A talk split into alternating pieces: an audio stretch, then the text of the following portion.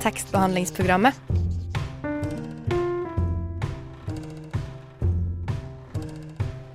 Tekstbehandling på radio.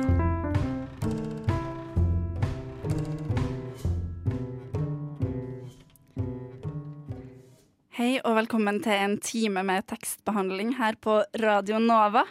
Og I dag skal vi få besøk av Gine Cornelia Pedersen, som er forfatter og skuespiller. Men jeg er ikke helt alene. Nei. Jeg har med meg en ukjent uh, dyp røst, en mannestemme. Ja, jeg er litt ny her, jeg. Ja, For den oppmerksomme lytter, hvem er det her, lurer du kanskje på? Det lurer vi kanskje på, og det er Hvem er du? Uh, Petter heter jeg. Uh, jeg er, hvis du har våknet opp uh, klokka sju på fredager siste året, så har du kanskje hørt meg. For jeg er egentlig med i morgenprogrammet Frokost på kanalen. Men i dag så hjelper du meg her som vikar. Jeg har jo Ja. også hjulpet deg litt før. Du var vikar på fredag, så tenkte jeg å få gjengjelde tjenesten. Ja, det er veldig fint. Og så kjenner vi også hverandre fordi vi Vi går på skole.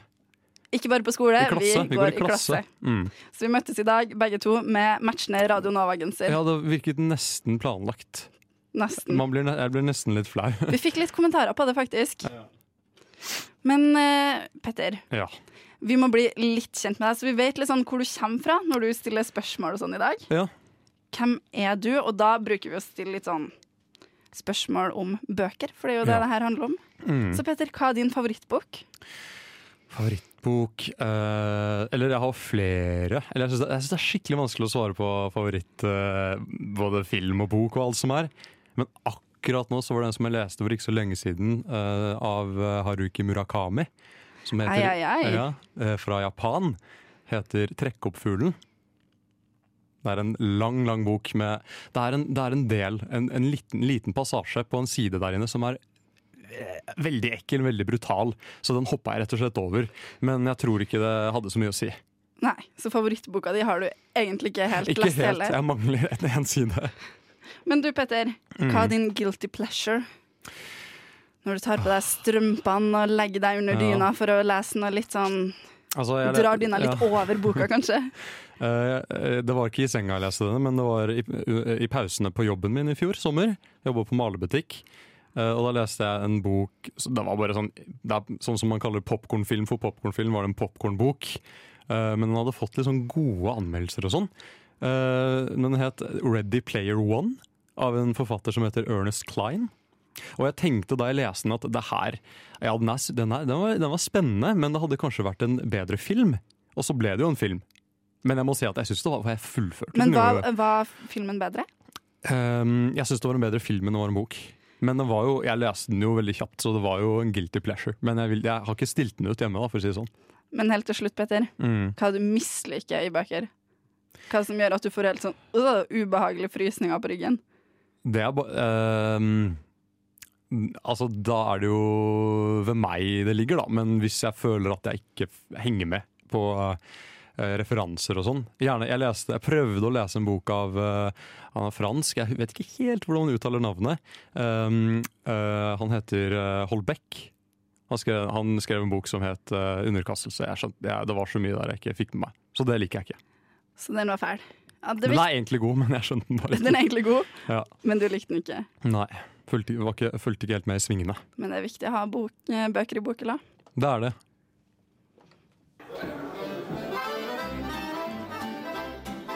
Hvis du går hjem med noen og de ikke har bøker, ikke knull dem.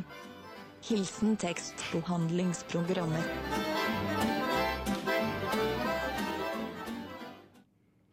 Da har vi fått Gine Cornelia Pedersen på besøk. Du debuterte med boka Null, som fikk kjempeanmeldelser. Og vant Tarjei Vesaas debutantpris. Og så, har du også, så er du også skuespiller, og nå er du aktuell med den nye boka di, 'Vår i det hinsidige'. Velkommen. Tusen takk. Du, jeg lurer på en ting. Um, jeg opplevde egentlig boka di som en slags sånn Hva skal jeg si, en slags sånn skildrende liste. Eh, nesten litt sånn listeaktig om en jente som om en jente som møter døden på forskjellige måter for første gang. Hvordan, er det du vil beskrive boka di? Mm, som en sanselig oppvåkning slash oppvekstroman, kanskje. Mm, fra fødsel.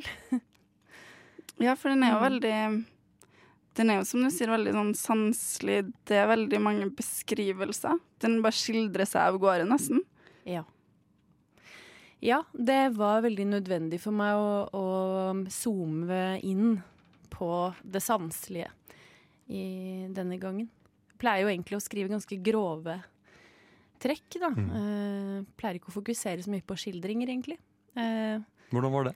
Å det gjøre det nå? var uh, veldig uvant. Men det, det var det eh, stoffet ville, hvis jeg kan si det sånn. Eh, jeg kom ingen vei uten å, å zoome inn. Og da jeg gjorde det, så åpnet det seg en slags portal til noe hinsidig. Mm. Mm. Det så mye, du, du skriver mye om døden i den boka. Mm. Uh, og i et intervju med Stavanger Aftenblad så fortalte du at du uh, søker til tingene du frykter når du skriver. Mm. Frykter du døden? Nå uh, frykter jeg ikke så veldig mye døden for meg selv. Jeg frykter at andre skal dø fra meg. Uh, før fryktet jeg døden. Eh, både at andre skulle dø fra meg, men også at jeg skulle dø, da. Eh, men det, det har jeg slått meg på en eller annen måte til ro med. Mm. Ja. Mm. Men hvordan var det å utforske det i romanen? Var det skremmende? Um, nei, det var veldig fint. Eh, jeg tror egentlig at eh, i hvert fall jeg må komme over litt over uh, noe. Eller jeg må få det på avstand for å kunne skrive om det. Jeg må kunne se det um, Se hele bildet, da. Fordi når man er midt inni noe, så klarer man ikke å Eller jeg klarer ikke å se hele, hele det bildet. Mm. Så jeg følte at eh, jeg var klar for å se på det Det som jeg fryktet mest for. Mm. Eh, og jeg, jeg fikk egentlig bare veldig eh, Jeg syns det var bare utrolig spennende å studere folk som f.eks. har nær døden-opplevelser. Mm. Eh, alle de som opplever da, at de har kontakt med den andre siden, eller hva man skal si. All den forskningen som foregår på bevissthet, f.eks. Mm. Det, det var veldig interessant og, og eh, paradigme, Det var et paradigmeskifte å gå inn i det. Mm. Har du noen opplevelser med det sjøl? Eh, Nær døden-opplevelser. Ja, eller Eller- du sa at du undersøkte og snakka med folk som hadde opplevd sånne ting. Jeg snakket ikke så mye Eller jeg har faktisk gått til noen spådamer i denne prosessen. Eh, det har jeg. Mm, og jeg, jeg må si at det jeg opplever i nærvær av mennesker som har, har en sjette sans eller en utvidet bevissthet da, på disse tingene, at jeg kan ofte oppleve veldig kroppslige, eh, kroppslige reaksjoner. Mm. Eh, og det føler jeg er et slags bevis på at noe skjer. Eh, eh, det er noe som skjer når jeg møter dem. Eh, mm. Ja, Vi skal snakke litt mer om det siden, faktisk. Men først så tenkte jeg at eh, du kunne få lov til å lese et utdrag for oss. Det kan jeg gjøre. Og gi lytteren vår en liten smakebit. Ja. Du kan jo fortelle litt hva du skal lese fra. Ja, jeg skal eh, lese fra litt ut i boken. Uh, Vår har begynt på skolen. Vår er da hovedpersonen. Vår er hovedpersonen. Uh, ja, en slags uh, Ja, en skildring. Vær så god. Mm. Hun ser på hendene sine. Pennen hviler mellom den lange fingeren i midten, den man kan banne med, og fingeren som det er ment at man skal peke med. Tilhører disse hendene Gud?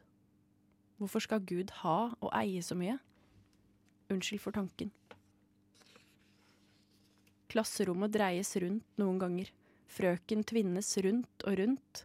En hånd i været, pekefinger, ser på hodene deres. Mange historier i dem, mange tanker, og hun vet hva de er. Hun har en rose som er blå. Den venter et sted. Kan ikke fire seg ned mange laken fra vinduet. Hun ser ut. Hun vil se alt bak alle murene. En ildglødende, pulserende kule i magen stråler ut i kroppen, fingrene, bena, kribler over av noe der fremme. Noe skal hende. Hun skulle ønske det ikke skulle hende. At hun alltid gikk den samme veien. Alltid var liten. Alltid ville være trygg i kreppet sengetøy med en genser med et motiv av en enhjørning. Presser underlivet mot setet. Rugger frem og tilbake. Stjerner. En svette som pipler. Langt inni kjøttet. Svetten til han foran renner, snegler seg nedover, under genserkanten. Hva med å gnikke kroppen sin mot en annens? Bare hud, ingen klær. Hun kan lukte det. Kyss som inkluderer tunger. Gud, vet du om meg? Han hører alt jeg tenker. Tusen takk. Du har jo, Vi ba dem å velge tre låter før du kom. Ja. Eh, og du har valgt litt variert. Eh, To av dem er litt sånn klassisk. Den første vi skal spille, er 'Vinterreise'. Ja. Kan du fortelle litt om hvorfor du valgte den? Jeg valgte låter som jeg hørte på da jeg skrev. Mm. Um, jeg hørte masse på Schubert eh, da jeg skrev. Um, det er jo en uh, uh, Han tok jo et opp, oppgjør med wienerklassisismen og lot romantikken komme inn. Så jeg syns det var passende. Da hører vi på den. Mm.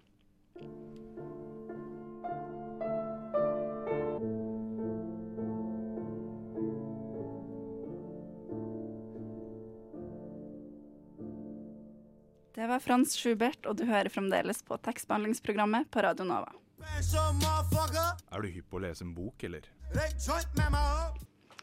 Vi har fremdeles besøk av deg, Gunne Cornelia Pedersen. Og vi skal snakke mer om boka di, men først så tenker jeg at vi skal bli enda litt bedre kjent med deg. Og vi har fått inn noen lytterspørsmål som vi har tenkt at vi skal stille deg. Så noen kjappe spørsmål. Ja, Er du klar? jeg tror det. Har ikke noe valg. Nei. Petter, du har spørsmålene foran deg. Ja, skal vi se da. Spørsmål én. Hva var den siste boka du leste? Det var fordi Venus passerte en alpefiol den dagen jeg blei født, av Mona Høvring. Hva slags type bok er det? Det er en roman om to søstre som drar til et hotell i Alpene. Ja. Likte du den, eller? Ja, jeg er snart ferdig. Ja. Eh, Jeg liker den veldig veldig godt. Jeg skal snakke med henne på torsdag, eh, på en sånn forfattersamtale. Ja. Mm. Spennende. Eh, hva synes du er kjipt i bøker, eller hva liker du ikke å lese om i bøker? Hva jeg ikke liker å lese om i bøker. Ja, eller hvis det er et eller annet som irriterer deg med Mm, temaer, hva enn. Kanskje altså, Det vet jeg ikke. Kanskje hvis jeg føler at det er eh, At det er for, mange, for forklarende på en eller annen måte. eh, uten at det behøver å være det. Jeg vet Mm. ikke. Ja. Mm. Mm. um, og så er det noen som har påpekt at uh, din første bok ble gitt ut på oktober, ja. mens nå har det gått til Cappelen Dam. ja. Det, Hvorfor det? er fordi at min elskede redaktør Kari Joint byttet jobb. Oh. eh, Så du fulgte redaktøren din? Ja, ja. jeg måtte jo det. Jeg Så ville klart. det. Ja. Mm. Hun er eh, så god. Det er Så- hyggelig å høre. Eh, Mm. Så det er derfor. Hva er den morsomste boka du har eh, lest? Hmm. Jeg har en eh, bok som heter Tristesser. Jeg tror den heter det. Eh, den er veldig morsom. Mm. Mm, Jeg husker ikke hva han heter, han forfatteren. Nils Hauge eller noe. Eh, ja. Hva- hva handler er den om? Mm, det er tristesser. Det er små, små sånne kjappe, veldig mørke uh, avsnitt uh, med sånne punchy poenger. Mm. Som for eksempel de mest unnselige skal passe seg for å leke gjemsel. Ja. Mm, ja, slik, ja.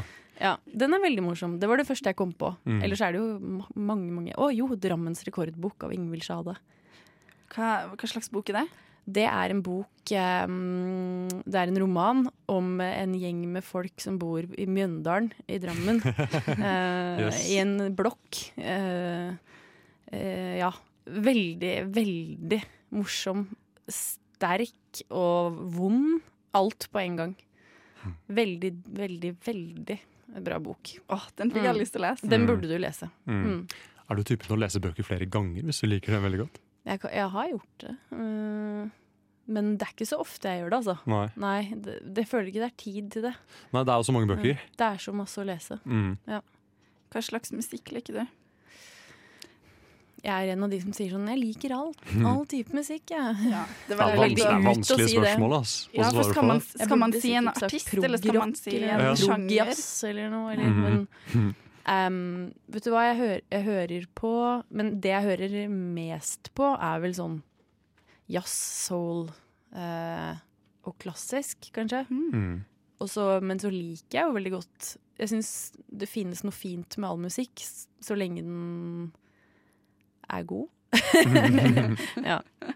Det er sant. Og den Mm. neste låta du har valgt for oss, er jo nettopp et uh, klassisk stykke, kan man vel si. ja. Det er enda en låt av uh, Frans Schubert. Schubert? Schubert. Schubert. Schubert. Og hvilken låt er det her? Det er Svaningens svaningesang. Eh, eh, Svanesang? eh, ja jeg vet hva, har ikke sjekket. Jeg hadde tysk på ungdomsskolen så lenge siden. Du vet dette her. Ja. Ja. Svanesang. Den, den kunne jeg jo gjetta, Petter. Ja, det, den lå Svanesang. der og venta på meg. Mm. Det, er, det er det. Mm. Den hørte jeg også mye på da jeg skrev.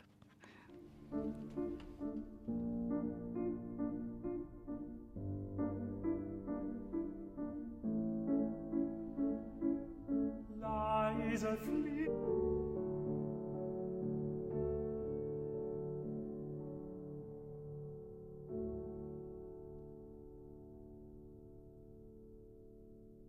var Frans Schubert med 'Svanensang'.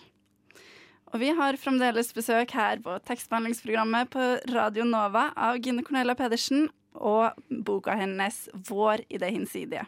Ja. Og i den boka så har jo Gud fått ganske stor plass. Ja. Eh, hovedkarakteren vår tenker veldig masse på Gud, eh, og er veldig opptatt av at Gud ser hun. Hva slags plass har Gud for deg, skulle jeg til å si? Det er jo et veldig personlig spørsmål. ehm, som det er vanskelig å snakke om i sånne korte trekk på radio. Ja. Men ehm, jeg syns det er et veldig Jeg syns Gud er det mest spennende mysteriet i verden, eh, for å si det sånn. Mm. Det er et eh, utømmelig mysterie som jeg aldri blir lei av å studere. Mm, det er jo ganske stort å ta tak i i en roman også.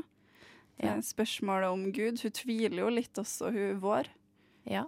Det er jo veldig vanlig med barnetro. Veldig mange barn eh, virker det som trenger den, eh, den enkle gudstroen. Da. Mm. Den som eh, man kan kjenne igjen fra skolekirken og, og religionsundervisningen.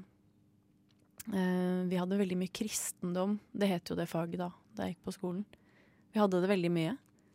Og jeg syntes det var så spennende historier i Bibelen. Og jeg hadde en venninne som eh, hadde foreldre som var misjonærer. Så jeg ble veldig kristen da jeg var liten. Det, I en sånn type konservativ forstand, da, eller hvor Gud er en, en mann i himmelen som du ber til, og Jesus også er det. At de er personer. Um, og så må jo det selvfølgelig Eller det er jo ikke sikkert de gjør det for alle, men for meg raste jo den troen da jeg ble eldre og begynte å stille spørsmål til ting. Uh, så den har vel endret seg veldig. Eh, og jeg har absolutt ikke oppvokst i noen spesielt troende familie. Så jeg fikk jo litt kjeft hjemme. Da du var barn. Jeg, jeg ville liksom gjerne be bordbønn og sånn. Mm. Det syntes mamma og pappa var veldig slitsomt da. De var sultne. De var sultne og syntes jeg var veldig prektig og irriterende, liksom. Eh, Fikk du ikke lov, da? Jo, jo. De var sånn ja ja, vi må bare det. Og jeg spurte mamma en gang om hvorfor hun alltid gikk på den brede stien og ikke den smale og sånn. jeg skjønner jo at det er irriterende. Jeg hadde også syntes at jeg var skikkelig skinnhellig liten drittunge, liksom. Ah. Ja. Men eh, ja, nei, jeg Jeg syns det er eh, Jeg har klarer ikke å si noe mer om det enn det, kanskje. Mm. Nei. Mm. Men eh, det slo meg da jeg leste boka Mm. du har, Det er små tall øverst Ja. um, hvert slags kapittel. Mm. Og for meg, det minte meg litt om bibelvers, egentlig. Ja. Er det noen spesiell tanke bak det, eller hva mener du med det? Mm, jeg syns den nummereringen er veldig fin. Den, det var morsomt at du sa det. Jeg Mm. tenkte at ingen kom til å legge merke til det. Men jeg la også merke til at det går fra én til ni. og så begynner det på nytt igjen på én. Ja. For at jeg forventa meg at det skulle gå med tall ut i evigheten, og så var jeg sånn Nei, men nå er jeg på tre igjen. Mm. Og så begynte jeg å bla og undersøke, og så oppdaga jeg at det var fra én til ni. Og så startet det fra én til ni, men på slutten så går det videre og til ti og elleve. Mm. Hva, hva er det som skjer der? Det er en hemmelighet. Er det sant? Det er spennende. Det er også nok, nok et mysterium.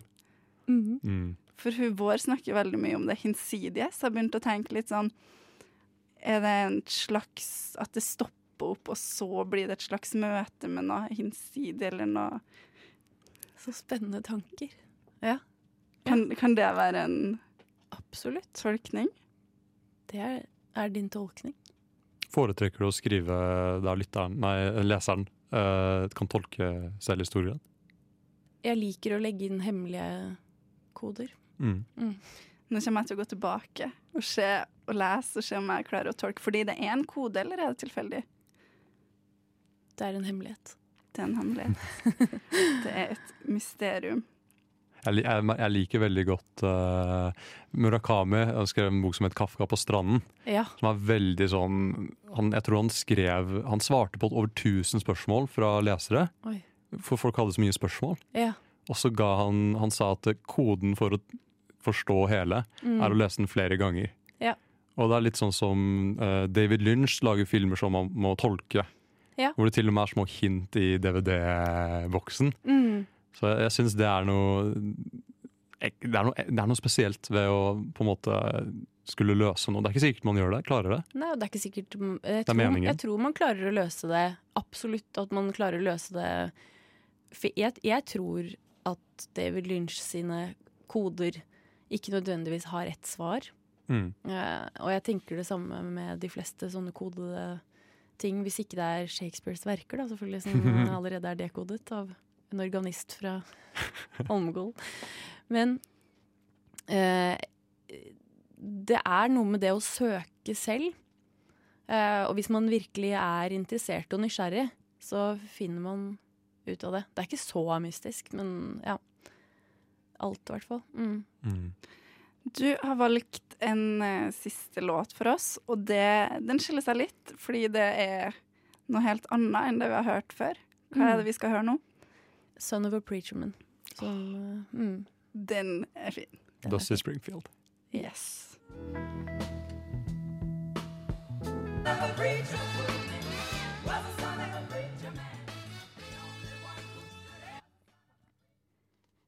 Søndager. En tilstand. I morgen er det mandag. Alt blir annerledes farvelagt på søndager. Selvlysende. Helt kvalmende. Søndager. Da skal man hvile, men jeg syns aldri man hviler på søndager. Kald glidelås som, som gnikker mot haken. Våte ermer, våt ull. Tung snø. Appelsinsaft som svir. Finnes et land der alle dager er tørre og varme? Med bare fredager og lørdager, kanskje også torsdager, for det er dagen før fredag, og det er så godt å glede seg til.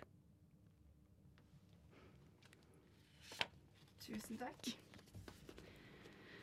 Hva du, kan du fortelle litt om det du leste nå? Ja, det er en liten tekst om vårs forhold til søndager, som hun ikke er spesielt glad i. Nei. Mm. Du er jo forfatter Mm. og skuespiller. Ja. Utdannet. Og du spiller jo i uh, Unge lovende på NRK. Mm. Hvordan er det som forfatter uh, også skulle tilnærme seg og, å spille ut noe noen andre har skrevet? Um, jeg ser på det som veldig Jeg separerer det veldig for meg selv. Mm. Um, noen ganger kanskje for mye.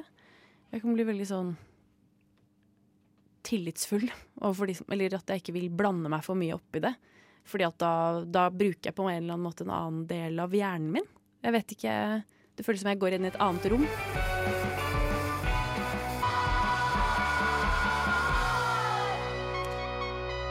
Det var Blomst med oss som bare drar her på Radio Nova.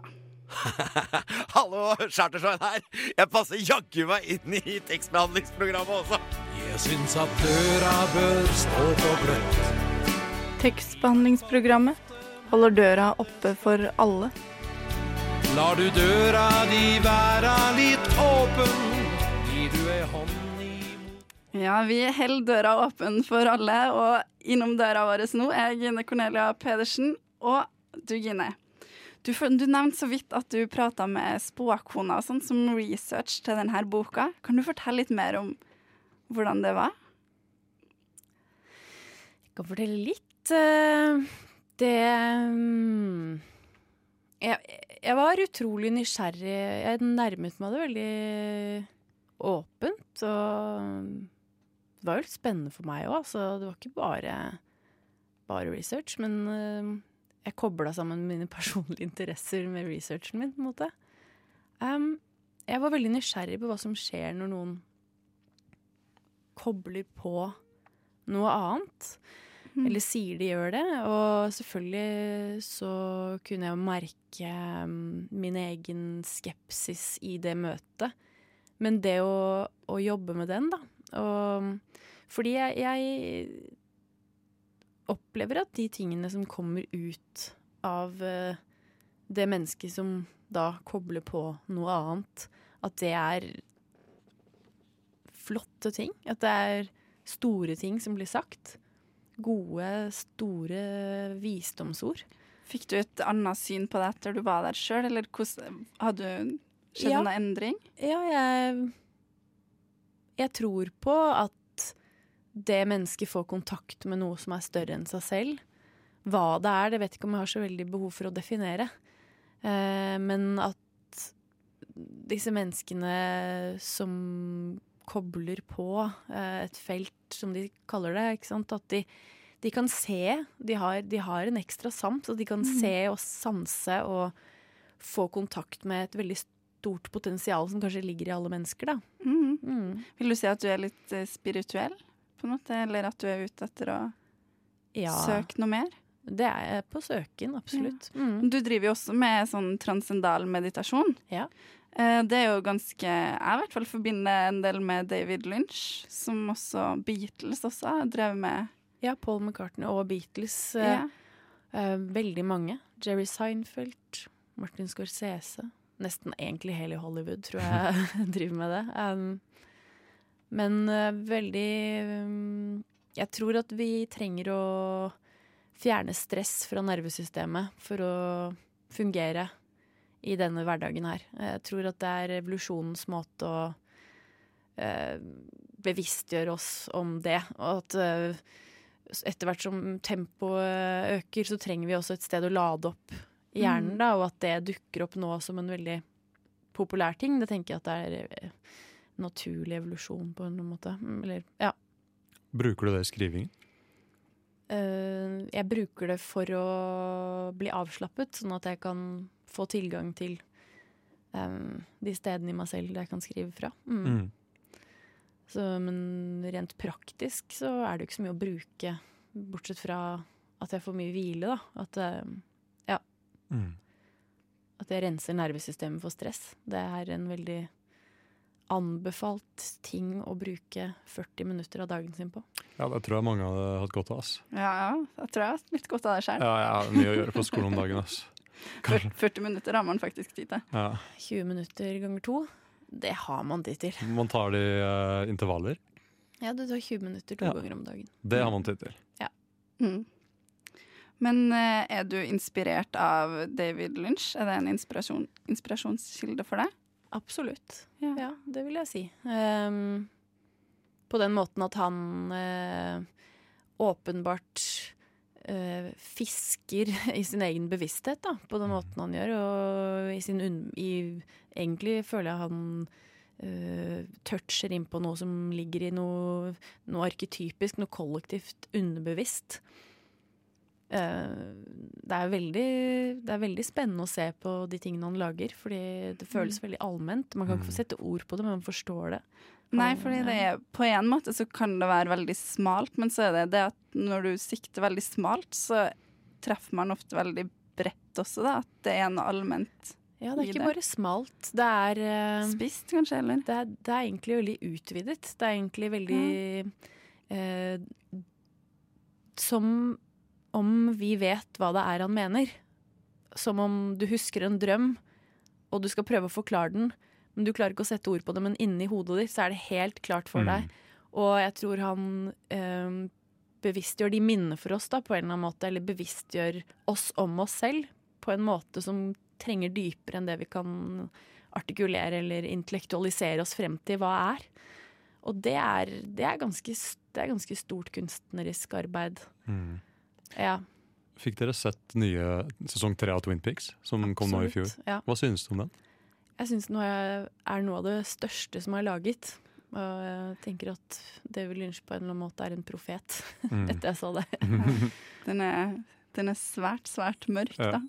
Ja, men samtidig så syns jeg det er, eh, det er varmt. Det er varmt, det er plass, det er lys som trenger inn, Mm. opplever jeg, da. eh, I det, han, det mørket. Han er ikke redd for det mørket, og det tror jeg kanskje er noe vi burde Nei. eh, Men han er, veldig, han er veldig kompromissløs. Han har jo Mm. fått 20, altså han, Forrige sesong av Twin Peaks sluttet jo for 25 år siden, gjorde det ikke? Jo. Og eh, Så nå får han Jeg ser jo for meg at han har laget akkurat det han vil nå Ja. lage. Ja, han, han sier jo det i, i 'Catching the Big Fish', den boken, at den eneste gangen han ga avkall på noe og ga det til en produsent, så ble det fullstendig maltraktert. Og det, det var sesong Dune. to. Dune, ja. Dune. Ja, ja. Og, Mm. Mens etter det så skjønte han at han aldri, aldri må la den andre få bestemme, fordi han vet intuitivt hva det er han skal lage. Mm. Og han visste jo det allerede for 25 år siden også, da, da han avsluttet. Han sa 'see you in 25 Ja. years'. Liksom. Det er så classy. ja. Det er sjukt kult. Vi må begynne å avslutte eh, snart nå, men det var veldig, veldig hyggelig å ha deg på besøk, Det var veldig hyggelig å være her også. Så det er 25 år, sa David Lynch. Når er det vi får se deg igjen, da? Hva er det neste prosjektet? 25 years. Nei, jeg vet ikke. um, det, det er litt for tidlig å si, men uh, kanskje om uh, to år. Ja, Vi gleder oss i hvert fall allerede. Tusen takk. Takk selv.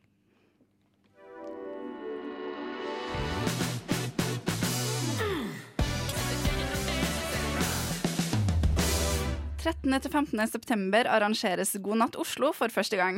Litteraturfestivalen holdes på Salt på Langkaia, et sted med en sterk litterær historie. Stine har prata med festivalsjef Synne Øverland Knutsen om plasseringa og tematikken for festivalen. Da jeg starta med det programmet, så eh, begynte jeg å gjøre, da jeg begynte å gjøre litt research. Og så eh, eh, kom jeg på at eh, både 'Sult' og 'Karens jul', eh, novelle av Amalie Skram, eh, finner, eller har, befinner seg på et eller annet tidspunkt på Vippetangen og Langkaia. Eh, og så begynte jeg å tenke på sånn, hva skjedde på den perioden da de, de to tekstene ble skrevet. Eh, og det var en ekstremt storstilt urbanisering av Oslo. Det, byen gikk fra veldig få mennesker til eh, kjempemange. Festivalsjef Synne Øvland Knutsen forklarer hvorfor stedet for festivalen har både geografisk og tematisk tilknytning til årets festivalprogram. Eh, også ekstremt mye viktig kunst som kom på den tiden. og det kan jo være noe av grunnen. ikke sant? At det på, på, som et resultat eller respons på det som skjedde i samfunnet, så måtte de på en måte eh, Så kom det en nerve inn i kunsten, da. Og det er jo en litterær historie, eller en litterær arv, da, som jeg tar veldig på alvor. Fordi vi, disse sosiale spørsmålene er kommet opp igjen eh, nå i 2018. Noen av disse spørsmålene hun snakker om, dreier seg om klasseskille og følgene av dem. Og disse spørsmålene forandrer seg, de er, i bevegelse, men veldig mange av de forfatterne som kommer på festivalen i år, de, de snakker også om disse tingene, og de bryr seg om disse tingene. Og vi har brukt masse tankekraft på å sette disse eh, forfatterne sammen med noen samtalepartnere som vi tror at det finnes en viss sånn energi, eh, om det er motstand eller om det er eh, en forståelse, som nettopp kan på en måte eh, kontekstualisere da, hva slags tid vi lever i nå, gjennom litteraturen. Blant parene på programmet er debutantforfatter bak en av årets store bestselgere, Tante Ulrikkes vei, Cezanne Shakar, og leder av Arbeiderpartiet, Jonas Gahr Støre. Sishan har jo blitt spurt helt ekstremt mye Når man leser altså, alle intervjuene og sånn, så har det vært en veldig sånn tendens til å si sånn Hvordan var din opplevelse av å vokse opp på Stovner? Kom med sannheten om Stovner. Eh, hva er svaret på klassespørsmålet? Eh, og de tingene, da, den politiske lesningen eller resepsjonen av eh, Tante Ulrikkes vei, den har vært på en måte eh, den har vært viktig, men den har også, tror jeg tenker at den har vært ganske mm, tøff å stå i også, fordi alt blir så person, liksom personifisert. Eh, og det å løfte det har vært viktig. I hvert fall så hadde jeg veldig lyst til å løfte det opp på faktisk ordentlig politisk nivå. Eh, og noen som eh, står i disse spørsmålene, kan gjøre noe med dem. Eh, og det gleder jeg meg skikkelig til, altså. Eh, og jeg tror fordi det er en tendens, Man kan forenkle disse spørsmålene som boka tar opp. Man kan si at det er én fortelling, men det er, eh, det er to skikkelser, f.eks. Og hva er, hva er forskjellen der? Eh, og det er forskjellige svar, da. Og det Jeg tror, jeg håper at Jonas Gahr Støre kan ta i disse spørsmålene uten å forenkle det. Mm, og uten sånn, Det er ikke noe politisk vinning i det. Det er en, faktisk en samtale som man kan lære noe av. Både de to, tror jeg, og, og publikum. Det var ikke helt tilsikta, men i ettertid kan Øvland Knutsen se en sammenheng mellom forfatterne som kommer til festivalen. Da jeg hadde booka programmet, så oppdaga jeg at, jeg at det var veldig mange sterke damer. og det var ikke bevisst i det hele tatt. Og det, sånn, det er så gøy når, når sånne ting skjer, at du bare av ren, av rent interesse, og så er det bare skjedd, da. Uh, men jeg jeg tror det er en energi til alle disse folkene som er på festivalen. Uh, de er de på en måte prøver å ta Om de tar eh, tak i sine mm, egne erfaringer eller andre, men at de prøver å si noe større da, om tiden vi lever i. Eh, fordi jeg har jo også kuratert det med tanke på at de skal utfylle hverandre.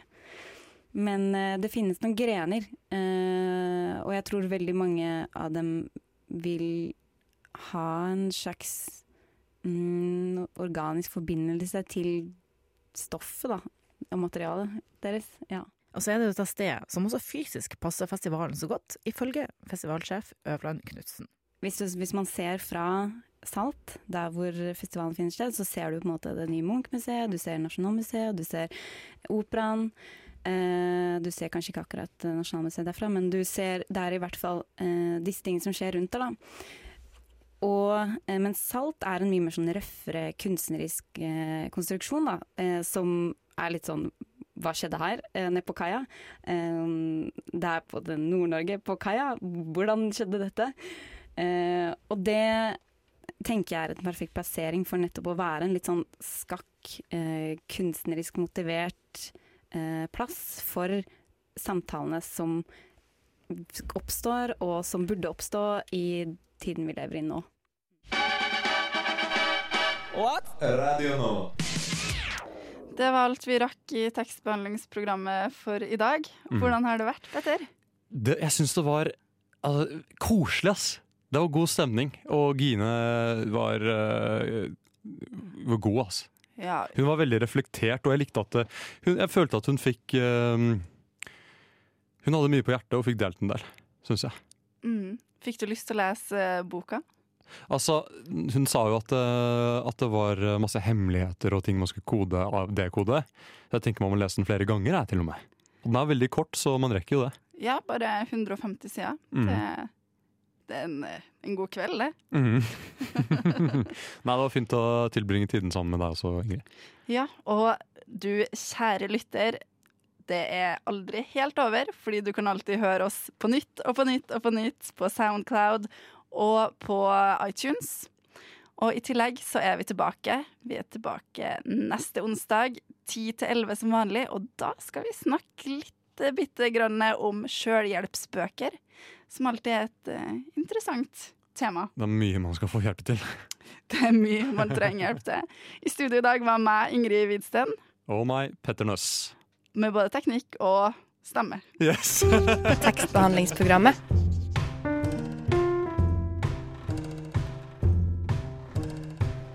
Tekstbehandling på radio.